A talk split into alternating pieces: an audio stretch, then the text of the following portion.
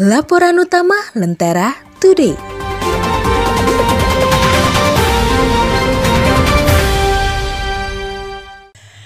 Tipu-tipu laporan harta pejabat negara.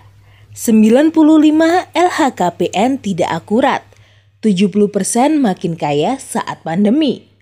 Komisi Pemberantasan Korupsi atau KPK mengungkapkan 95% laporan harta kekayaan penyelenggara negara atau LHKPN pejabat negara tidak akurat.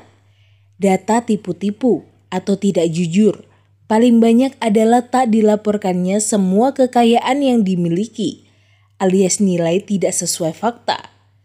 Ada juga lampiran yang tidak pas hingga detail tidak masuk akal, baik tanah, bangunan, rekening bank, maupun investasi lain. Bukan hanya itu, transparansi kondisi dompet penguasa kepada rakyat ini tampaknya masih dipandang sebelah mata. Buktinya, 239 orang anggota DPR hingga kini belum menyerahkan laporannya. Menariknya, dari data yang sudah masuk, di masa pandemi COVID-19 ini, sekitar 70% pejabat melaporkan kenaikan kekayaan.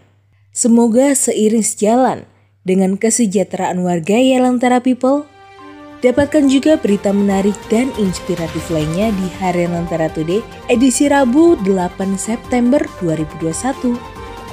Cek edisi digitalnya di www.lantaratoday.com.